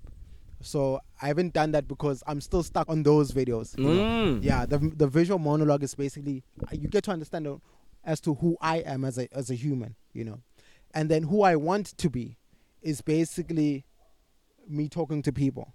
Oh, Yeah. okay. Yeah, yeah. I want to have more conversation. I want to learn from people. As I said, I've got two perspectives in life: it's either to be right or to learn. Yeah. So the conversations with the podcasting allow me to learn. Selfish because I ask a lot of selfish questions. I'm like, "Imnaga Kani, how do you, you know, Yeah. like it comes most of those questions like come from me as to how how do you how do you learn how to forgive? How do you learn how to heal? Like after you've done one, two, three, four, five, what do you do in terms of taking your business to the next level in terms of brand branding? You know? No, I think loko kwendeka mangabe uhleli waba i-audience or wabamlaleli mawubuka lo muntu because nami I have two questions le ngifuna kwabamba kuwe based kubuka from everything lo yendako I Sure. understand so ngicabanga lokho kwenta kulabantu uma uhlala nabo ubona ukuthi hayi man this person 1 2 3 1 2 3 kani ukwenta Yeah, kanjani na because yeah, ngizamini yabo Yeah. so even ng- ngawabuta nyalo but bengifuna sikhave yonke lama relationships like lo loba nawo ngiyo yokucala le khona kuyiva ukuthi okay everywhere like labantu lu- njengoba ukhulumile ukuthi okay ukhona ipartnership nalabantu bema corporate dawo? Sure, like yeah. the question is how. Even mangana manga i think the skolo la ufunze khona the i think eteacher ngiko lapha phinza bakofarisha khona spana Yeah, yeah, yeah. Yeah, 100%. understand. Shout out to Kuzi- Rian. Mm. Kuthi everywhere la uhamba khona lama Yeah. relationships lawo sikhuluma ngale ngithi lo my sister lo ngithi mina ngathatha ama award because solo uyamention but these people labantu lolo nabo Right. asingivele ngihlanganise ukukhulumela nga Carol Carol bengisafuna ukubuta ngayo kuthi i think kule abantu leli silingana nabo or kule youth yethu yes ngiyakhona nami but wena nguwe lo hlala nebantu labadzala serious singakhuluma nga season 3 Yeah. nyaloku menza imkhonza podcast ku season 3 kambe ngibani my sister lo wethu la anasport lo khiphe libhuku le business Sezanele. sezanele that's number Sezanele, 1 yeah. emtsala sezanele Mhm. ube ukhulume naye Mm. Eh, I spoke to Di Atherton. Yeah bengisafuna ukukhuluma nga hey that Yeah. episode uthama kacala ngafuna ukubuka but ngisita ukukhulumana ngayo le episode leyo ukhulumela team after ngibona ukuthi okay bengifuna ukubukela interview ya Zanele ne da ngiyibonile ma promote angikaboni ukuthi team bona mina it's like nathi khulumela team eh, into lebengufonela yona bengifuna kwathi ukuthi accept do you know the person lokhulume naye at first so umdzala naye say then kwaba ngile company i think yase Cape Town That's la it. Yeah, looks kuna Yeah. umntwana na baba wakhe Baba. khona so ukulabantu abadzala laba lama conversation loba nawo abanjani ukuthola njani ukuthi okay kutholakale sokukhuluma nalabantu abazala because most young people nebantu abadzala akuvami kuba yinto lehlangana especially ngemsebenzi I I was watching an interview. Yeah, yeah, Dan Pena. This was now before. Uh, yeah, before the I think it was before season three or season two or in between there. Um, he said that you know old people they are always willing to give information away.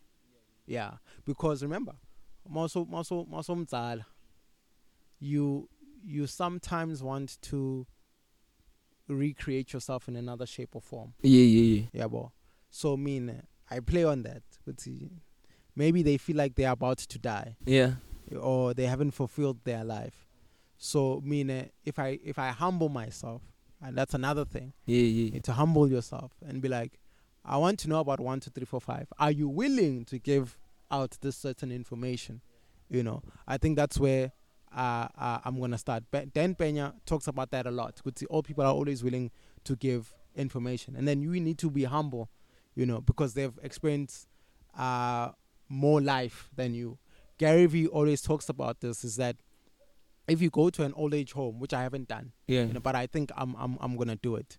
If you go to an old age home and you see uh, old people, you'll see two different types of people. Number one, a person who has felt like their life is is fulfilled. yeah Number two, a person who's got regret, and you can see regret in their face. yeah umbona umuntu yeah. So for me, whenever I like engaging with old people, yeah I yeah really, really love that.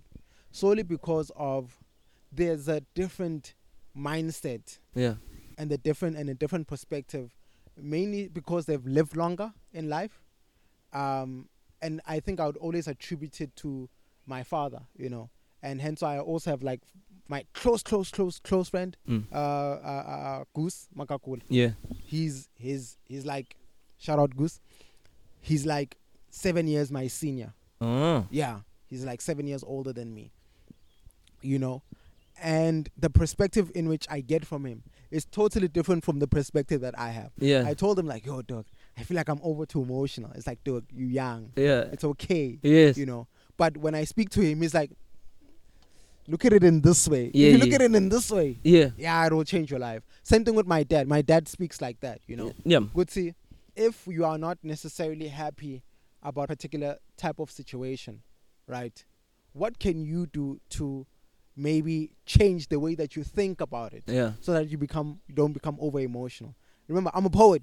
Like Yeah. everything is like, ah, oh, I feel, I feel, I feel, you know. But my dad is just like, ah, Dwana, ah, yeah, you're playing games. You must look at it in, in in a different way. So the reason, probably the reason why I like to or engage in conversation with all the people is that they just have a different perspective on life.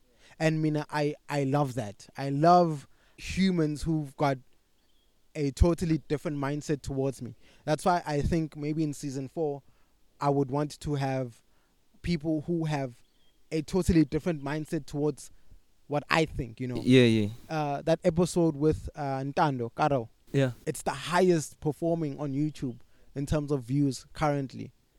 He had a different perspective about marriage and per- and, and, and, and polygamy. To, to, to, to what I think Yeah. Yeah. yeah. it is, you know. I was honestly, no lie, I was afraid of that conversation. No. Yeah. but I- solely, but but because Eh. I wanted to learn Eh. as to how people think, so that I don't judge him. yeah. That's another thing that people don't realize. You like you give yourself an opportunity not to judge someone, you know. So me personally, I encourage uh, myself to have a different type of conversation with someone who does not have the same ideologies as you have. You know, it's very difficult to actually find those people because I'm sure you grab you you you attract what you are and who you are. You know, that's very difficult. But I mean, I find myself in a in a in a very uh, uh, um awesome Yeah. you know, rather privileged situation where the, the, the, the, the grace of God once again is attributing to what I want to achieve in my life, and hence why people are always like wa- open to talking to me, you know. So that's why I think I I, I, I like um, talking to all the people solely because they have number one have a different perspective, and number two they're always they're they're always willing to give. Yeah. If you listen to that uh, interview, yeah, Cezanne, at the end, Yeah. She spoke life into me. Yeah. Yo, she spoke live. you know. Mm, okay, I would say ngicede naye lela abantu abadzala because I think I three ama question then we Yeah. sitongena kule podcast.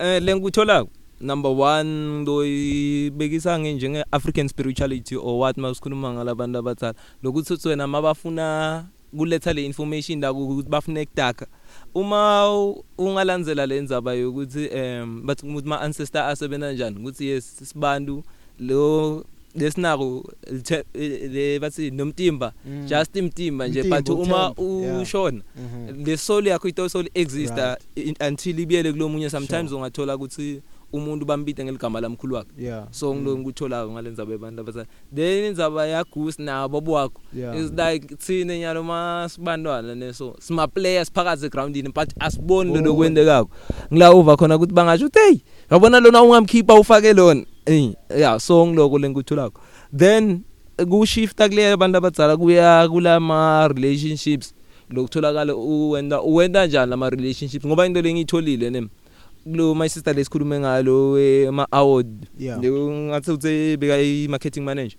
Yeah. so uthole ukhulume nge kuze okay athi ngithi i low field behambisana nenzaba ye article yakho lo wayena so then i poetry estup ngila sikhathi ufike uba performela Sure. so le ngutholako mina mawukhuluma labantu bonke babone lo msebenzi wakho kucala not just bafune kuba ne relationship Chip, because yeah. they know you or what Yeah, so kuze kutholakale usebenzisana nalabantu laba kwende kanjani I think for me, it's it's it'll it'll it'll always down go down to, um, I know it's very flimsy.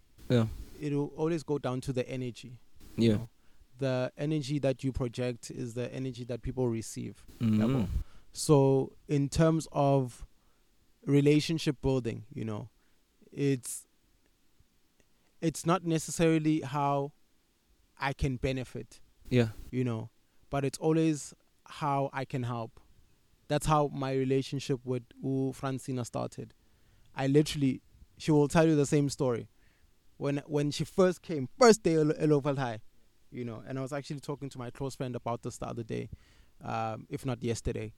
Good see, the first day that Francina came came to Loval High, I literally opened up myself. I'm like, Excel, if you need anything, yeah I am here. If you need, if you need anything, I'm here. If you want me to get you coffee, I'm here. asikhuluma nge-student ne lona la You- You're talking to a student and Yeah. a marketing director. yeah yeah If you need anything, yeah like if you want me to put stuff up, yeah like I'm here, I'm your guy. Yeah. You know.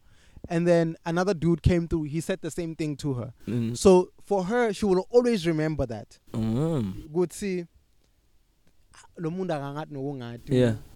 ungiqalelani kind of vibe yeah yeah So I think for me, this is what I sometimes my my relationships have been so sustaining, where I've opened up myself to being like, "Exe, I know I'm not I'm not gonna benefit. yeah yeah I know I'm not, right?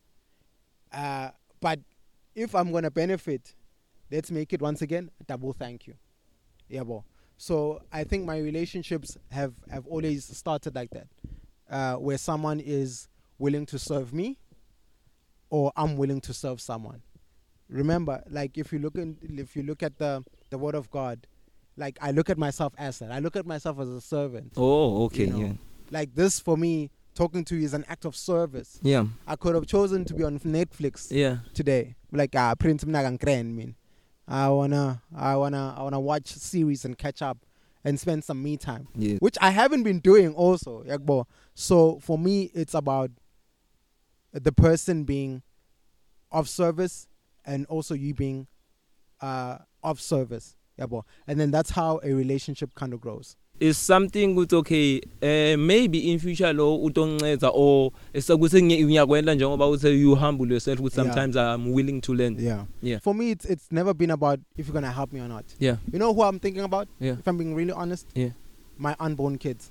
oh okay I want. ukuthi mabafika emhlabeni eh, ba- bantwana bamenzi bayobanceda kangakanani There's nothing more satisfying than if my child comes to you, at Prince, time I'm a podcast, mm.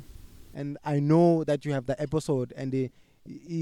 Spotify, SoundCloud value. yeah Do you have that episode so I can just listen to him? yeah You know, all right or he comes to him like Prince. Ish, time I'm a podcast. Yeah Yabo. yeah So for me, I am just I'm doing ah, I'm doing it for my unborn kids. yeah I'm I'm doing I'm doing legacy work. yeah My my my relationships are Yeah. growing and they becoming more fruitful. mm. Yeah, boy. Some some people that that not necessarily that I've helped, but who have been of service to me. Even when I give them money, bro, they're like, Ishtan, I yeah no no no no. oh yeah yeah yeah No, I told you her don't have to then do it. yeah You don't have to do it. But just know that I'm always here. But don't use us. You know, kind of vibe. okay So shout out to Kangi. He was the person that actually taught me that. You know, good see. Give him money. I was like, yeah, Twana, Yeah. It's like, ah, Twana, could Yeah. leg.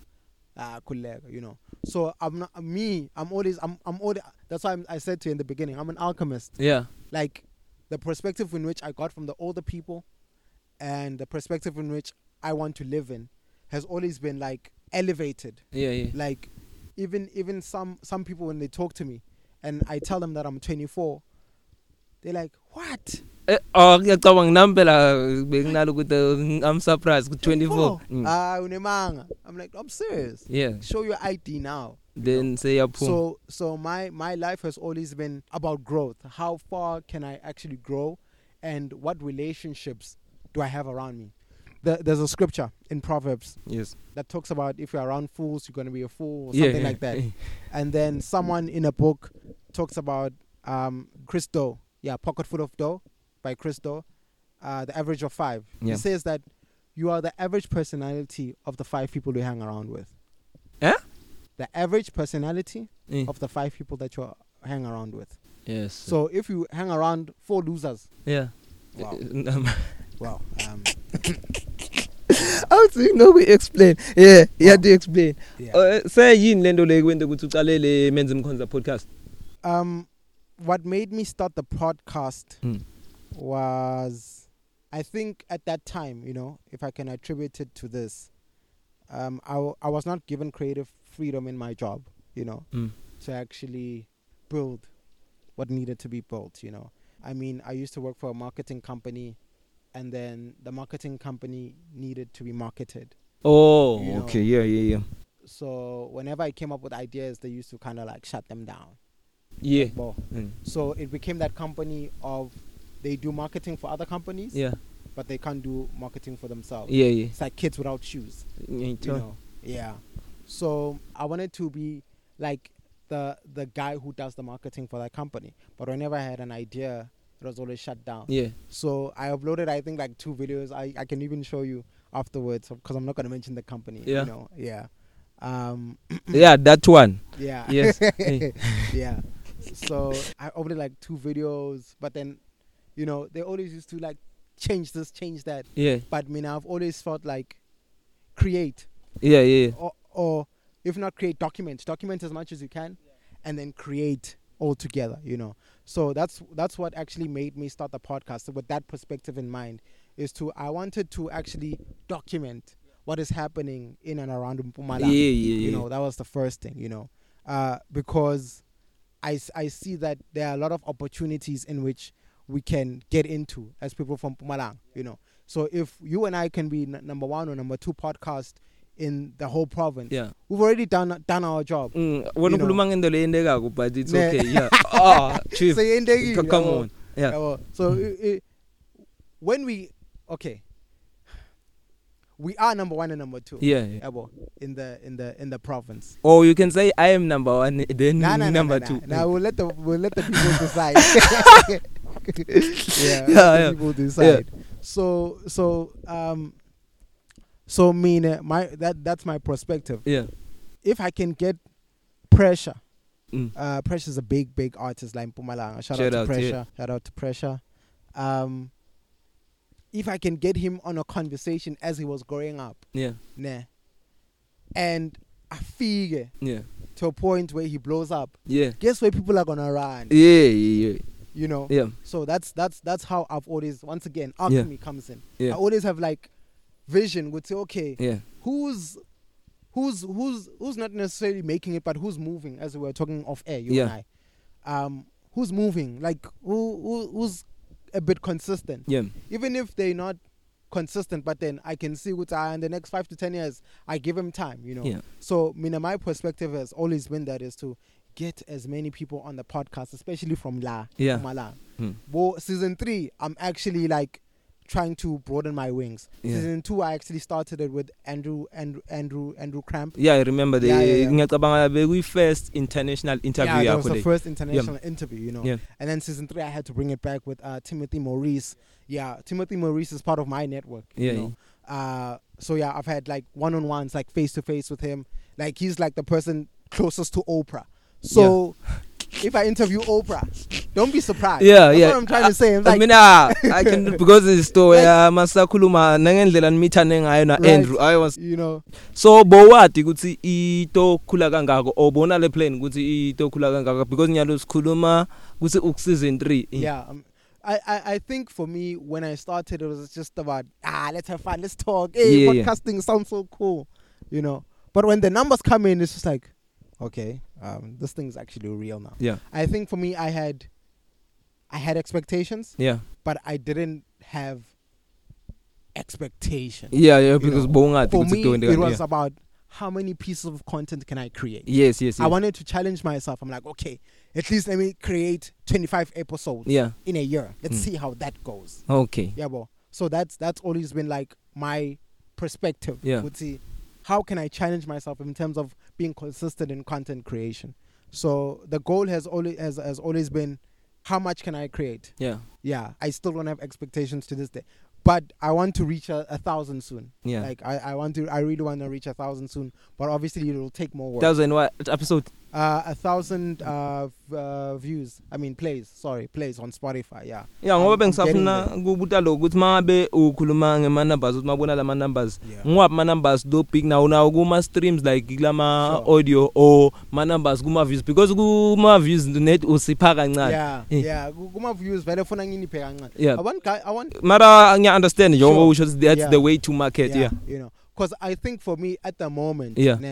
YouTube is not paying me. yeah yeah So why should I give give my all to something that is not paying me? yeah yeah Whereas Spotify ngiyabona you at 3 cent, yeah you know. Mm. At least Yeah, at at least, least, yeah. At least yeah, ngiyabona ukuthi anayi. nami ngiyeta imali ikhona, 3 you yeah yeah Mm. Yeah, yeah. So so that's that's that's where you hand content to people who give you the money. yeah In any case, oh even, yeah right even even if le, even if I don't reach 100 plays or even if e Spotify shuts down or whatever, yeah I still have my episodes somewhere on the laptop. I can have my own website Yeah. and I can still sell ad space. yeah yeah yeah Yabo. Mm. So so yeah, I for me it's it it was always about challenging myself to create more content.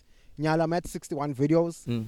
I want to get to 100 by the end of the year. yeah I would like to get to 100 by the end of the year. yeah it's possible so lama season asipana kanjani ma season season kuthi okay siku spring yalo or unendlela lo sebenza ngayo umuthi season 3 Once again, Yeah. for me, um, I'm also trying to figure out and analyze this whole podcast thing. If it's actually a calling yeah or if I'm just doing it in jail Yeah. or just doing it. You will notice that between season two and season three, yeah I kinda I kinda shut down. yeah yeah Uh, solely because I had a big calling at that time. mm. Once again, going through therapy, like starting the process of going through therapy, you know. Mm. So I didn't want people to feel heavy emotions when I asked them questions. yeah You know. oh I okay didn't want yeah to ask them singiyathola. about healing. yeah and I'm still through the process. Yeah, more. yeah yeah. You, the, a recent conversation I had was with uh, Chantal Biela. She's a film director. Yeah. That was the first episode where I was comfortable talking to like an old friend. oh okay yeah yeah, because you, I think you've noticed through the Ellie and her father, Mm. uh, Timothy Maurice, and then now with Cezanne. yeah It yeah was all about business. Yeah, Nah, yeah, yeah. there I'm, I'm comfortable. yeah yeah But to actually have a conversation like this with you, yeah you know, it actually it actually takes a lot, Yeah. a lot more than just talking about business. Because with business you can be limited, yeah yeah yeah, well, but with with a conversation like this, it needs a lot of energy. yeah yeah So I didn't I didn't want to ask about healing and and about I don't know. yeah Do you, do you understand what I'm saying? yeah Yeah. So I was still trying to figure out the process of if this is actually a calling or I'm just doing it for the sake of doing, you know. Because God knows how to speak to me. Like He knows. Like okay, let's continue with the podcast. Yeah. You know, and I'll dream about the podcast. Mm. When God wants me to continue with the podcast, Yeah. I'll dream about it. yeah I'll really, really dream about it. You know. So that's that's that's how I look at it. I look at it as as a, as a sign to like continue. yeah And then when that happens, like everything just goes smoothly, bro yeah like everything like it was perfect you know uh it's unfortunate that the the episode with U, U Chantal it started raining Yeah. yeah but that was cool for like content as well. That was Yeah. different because we were recording it at the back of her boot yeah. you know. So i was just like this is so different. Yeah. i love it you know. So the podcast for me has always been about what different areas can we record at yeah you yeah know? yeah yeah like what spaces can we get into? Mm. with Dai we recorded at a restaurant. With Timothy I recorded online. With uh Chantal. Now we recorded at the back of the boot. So so I wanna I wanna be open. I wanna record at the taxi rank even nalomjida le nikhuluma naye ngepoligamy nirekhode kuneligede nje. Yeah that was at my house. Yeah. yeah yeah. Angathi na pressure nirekhode etulu Yo, samiya you see Yeah. see, yeah yeah na I want yeah loko nami ngiyakucansa Yeah, even mina. nasemgwaqweni mina ngiyarecorda like ukuthi um i don't know ukuthi ngiphi. Episode yandobeko ne episode yeBabaton content every day. So la sihlala khona even nasendlini. emsebenzini kunema dlodi njengoba so mangirekhoda njengoba uyabona ngifocuse kuwe la awu mangiedit ngiyasiva lesigudu man this sound. Eh then i think ne episode ye new age delivery. So mangirekhoda yona ngisitale Barberton sikhuluma ngelona yase Barberton in the background ngidlala ingoma ye blank page spethe impilo ngithi yabona even la noma kune mistake angikhathini ujo because the background so so ngiyakuthola. Eh asingenela ku difficult khona ke nyalo because I know ukuthi hey umuntu unemntwana wakhe akavami ukuba ama team. Top 5 ma episode lo wathandza Woo-wee. Wow, I love all of them. I love all of them. I love all of them. Yeah, Uh, but give me 5 usho ukuthi okay lawa this one. Oh asicale som. Lo wathole a challenging njengoba usho bobekise Yeah. ngalo Yeah, mthinta okay, lelo yeah, yeah. because nam I have 3 um Yeah. ngithi yeah lawa Um, ish, I don't know how to car- no to Categorize just name them, 5 okay. as is number 1 number 2. uh, maybe I should list a, a re- maybe a reason why. Obviously, the Intando episode, Yeah. you know, it was a dope conversation. I lie. yeah, it, it was fire because Mm. I like I like conversations that are challenging. Yeah, yeah. I love conversations that are challenging.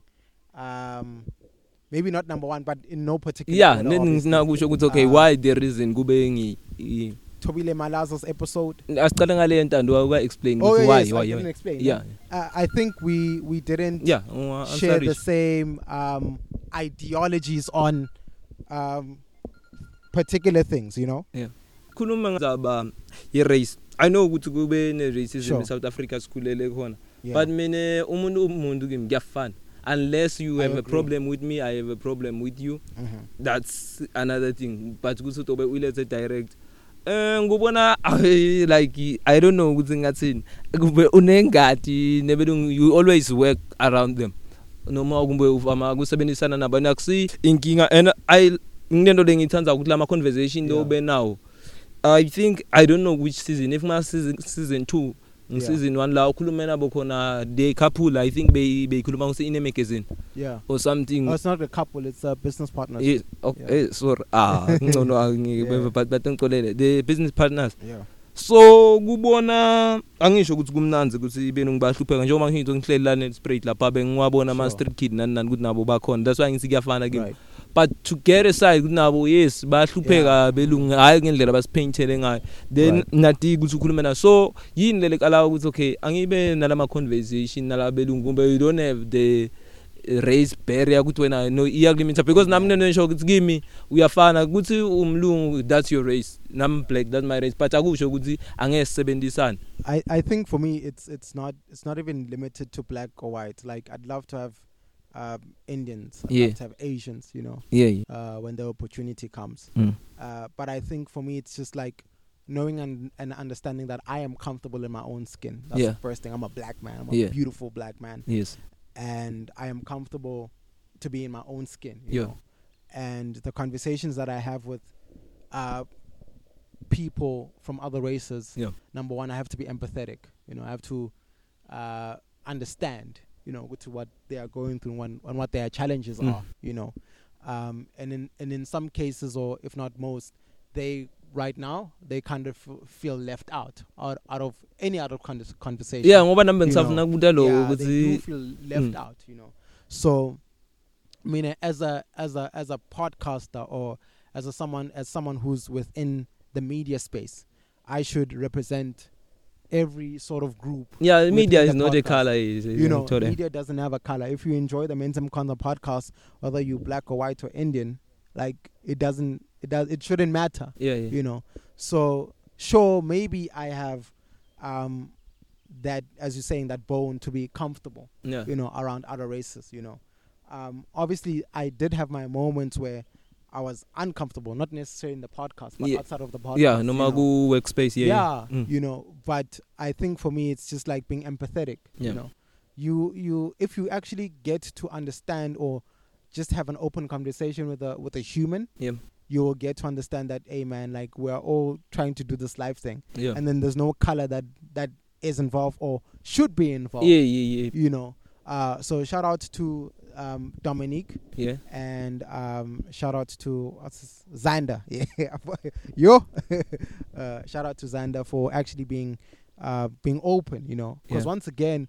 Uh, these are the people that I also used to school with at Unigrad. yeah okay yeah you yeah know. yeah niyakusho so once again, it's, conversation it's it's it's it's having good and and proper solid relationships that actually lead to um you helping them in some shape or form. I don't know I don't know what the podcast will do or has done for them, yeah you know, and I don't know what me presenting their type of media out there uh, will do for me. You know. So for me, I'm always I'm always like uh, at a point of humility and empathy. You know. Mm. Uh, maybe maybe they also looking for uh, a few black voices to help them within their within their work. You know.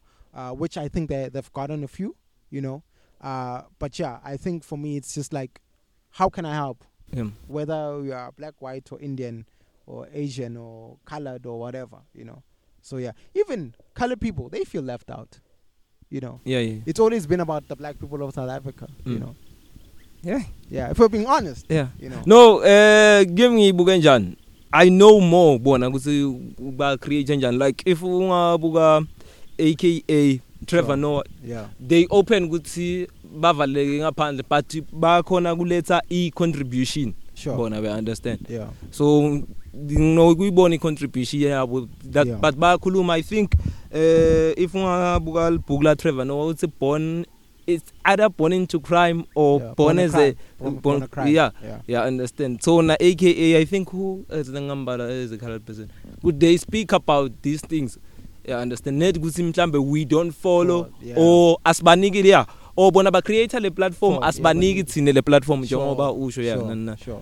so Yeah. everyone nyalo lo ufuna ukulandzela from social media because eh, enga- engathini le Facebook i think and tweet it shows ukuthi bowubukela ma Pokemon with the minyawo Yeah. whatever so it's in social media Henry you have the channel you have the Yeah. I'm I'm not on Twitter. yeah Yeah. Like. Uh, ngikrenye nawe nje. ufake i don't know ukuthi lento niyithatha le ukuthi anything lebi kufuna ihambisana ne blacks ne black text ne black twitter and then we create this thing Yeah, we create ngicabanga that- we, ukuthi we create that stigma. Eh, angicabanga ukuthi phela i-black twitter ikhona understand like Yeah. bengitshela ukuthi something le Yeah. khona so okay you know Yeah, on man. twitter I'm I'm not on Twitter. which one black twitter or or No, any twitter I'm not. hey, hey, hey, man, listen, listen. Like, okay, for me, for me, for me, mean, I'm the type of person who likes to follow people by like Mpumalanga. oh yeah, Yeah, yeah. I'm the, I'm that type of person. Like, eh, you know, es- especially people who are movers. Uh, however, I think in most cases, if not some, I don't like what they retweet. okay Yeah. Um, I could personally, I could have Twitter, yeah but I'd be following like business and poetry and all of those other things. But me, I'm the type of person if if if if if I say that I want to document yeah here, nah, y- yeah it should be active also on Twitter. yeah Yeah, well, but I see caught up. yeah Yeah. so you're not on twitter okay I'm not on Twitter. Mm. Twitter's for me. is- I feel like it's a bit toxic. yeah Yeah, but I am on on. Are we starting with words in my mouth or just me? siqale ngamenzi mkhonzi Okay. Uh, Menzim Kwanza uh, SA on Facebook. Um, Menzim Kwanza SA on LinkedIn. Uh, that's where I'm actually the most uh, easy, easily to get. Uh, Menzim Kwanza SA on Twitter or at sorry, not on Twitter on on Instagram, yeah, or at meow. Yeah. That's M double I A W U underscore two zero. Uh, meow. And what what what other social medias are there? I don't have TikTok. yeah it shows you you don't have then asikhulume ngale words in my mouth Yeah, words in my mouth. I'm definitely on Twitter. mm. how Um, yeah yeah yeah yeah, yeah. Because you know, Uh, follow- poetry is everywhere, yeah, yeah. Poetry is everywhere. You know, um, that's words in my mouth poetry, or words in my mouth p letter p on Twitter. Um, on YouTube, it's words in my mouth poetry. Oh, we also have a website. Yeah. Words in my mouth poetry.co.za. yeah Uh, we also have Facebook, Words in My Mouth Poetry Slam, yeah but I will change it into Words in My Mouth Poetry, so that when people go on Google Words in My Mouth Poetry, will you'll find any everything. Yeah. So also on Google, we're there. Words in My Mouth Poetry.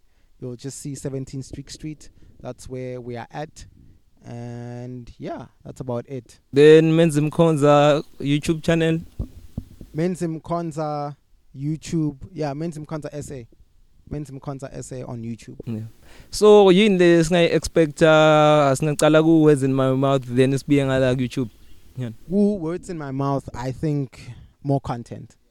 Yeah, on on words in my mouth, we are at um 130 32 if not 33 pieces of content yeah. we want to get it to 200 mm. yeah. Yeah. Um we want to also launch our tiktok. Yeah. Yeah.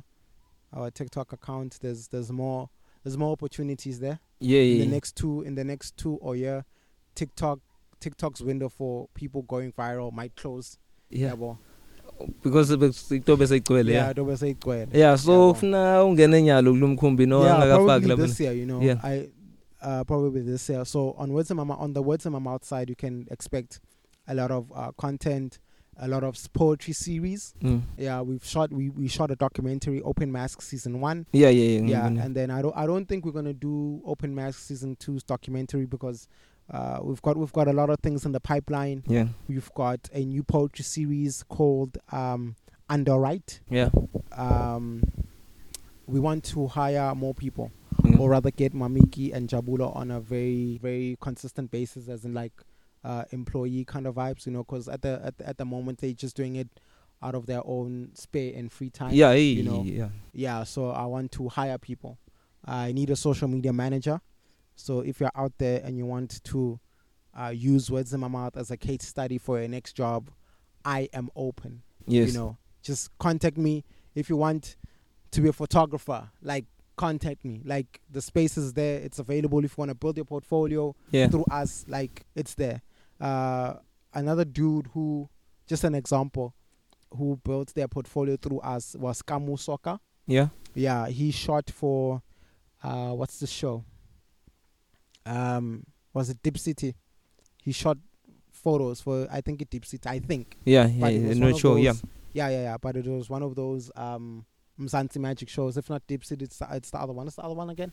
uh, yeah i'm not in tv Oh no, no, you know. yeah mina ngibukela youtube only to be Alright. honest serious i only watch youtube like Yeah, tv i'm yeah, not yeah. into tv So, so that's that's the type of people that, or if you have the motivation for, mm. I think I can also plug you to a lot of things. These people have also, oh, me don't know why. Yeah, uh, Umar Video Photography. He went from shooting with us to shooting with any boss. You know. yeah So uh, I'm not saying this just just so you can yeah um um just come to words in my mouth. I'm saying this because there's always for me there's always an end goal. yeah yeah yeah Yeah, I don't think Mamike and Jabulo will even stay long yeah uh i- in in on words in my mouth. I'm always I'm always trying to look for new faces and new peop new people who can actually drive the vision, you know. Yeah. And I'll be the only one that that that is like consistent because I'm the founder yeah and the facilitator, you know.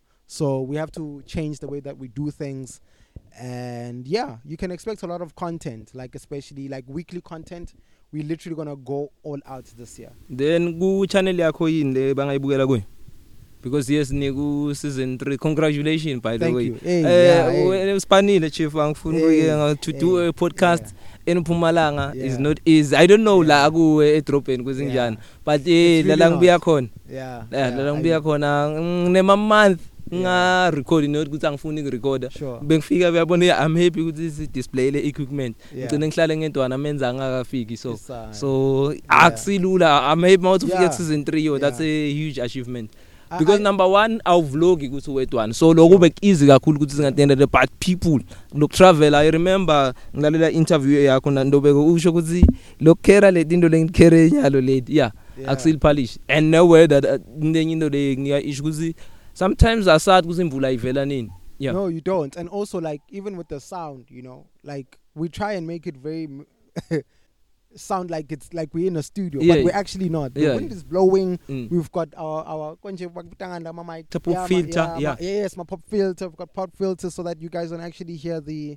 the water, even though it would be beautiful. yeah yeah yeah But, yeah. i mean i love that that's Yeah, why yeah, yeah. ngikhala group la ngemuva like yeah Even it would be beautiful, experience yeah, You yeah. know, but for some people, it's like ah. it's not not professional professional. I don't, eh. So we literally try our utmost best. yeah Shout out to you, Prince, for actually like reaching out to me and asking, "What's it- "What should I buy?" You know. yeah yeah yeah And and and and I and I think also Nami, I also found out later, Guti, like the the um, it's the, the it's, interface. yeah it's the beginning it's it's a start, yeah but it's not necessarily a necessity. If you just get a portable recorder, ah, you can record as many episodes as you want. yeah yeah Yeah, bo. So I, I think I just want to say thank you and appreciate you for uh, firstly putting me on PCR, you know, with that interview. Konje nabani? na nonto yeah now Yeah. she's u Rise FM yeah She's she's at Riders FM. yeah Hey, hey man.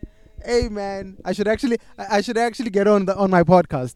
Yeah. lelanga kufonela ngithi mina bafuna umuntu lowenda i-podcast e-Rise Yeah. FM because already bese ngine interview e-Rise Sure. FM so good umle ngimathi enda i-podcast ngaphandle kwakho Yeah. lesikhathi ba celebrate i-podcast day Sure. so yes bengikubitela lokho but Oh. uyi-producer le show le Oh, shout out, shout out. Yeah. Yeah. yeah, yeah, Thank, thank you for that opportunity. You know, and I don't, I don't take these opportunities for granted. You know, uh, solely because it could have been anyone. Anyone could have been been doing a podcast. Yeah, A- yeah. Literally anyone. yeah yeah You know, but I'm just so satisfied and happy that you were able to get in contact with me and to plug me with first of all, um, uh, uh, the BC, the BCR FM interview yeah and then and then later at a later stage it continued into something else you yeah know? yeah yeah yeah so i i just want to say thank you bro i really appreciate it yeah this Yeah. platform yokucelebrate abantu most i-celebrate abantu laba nika abantu ama-opportunities because anibi naleli thuba lokuthi bani-celebrate because always uthole ubuka ukuthi ngilonika abani lithuba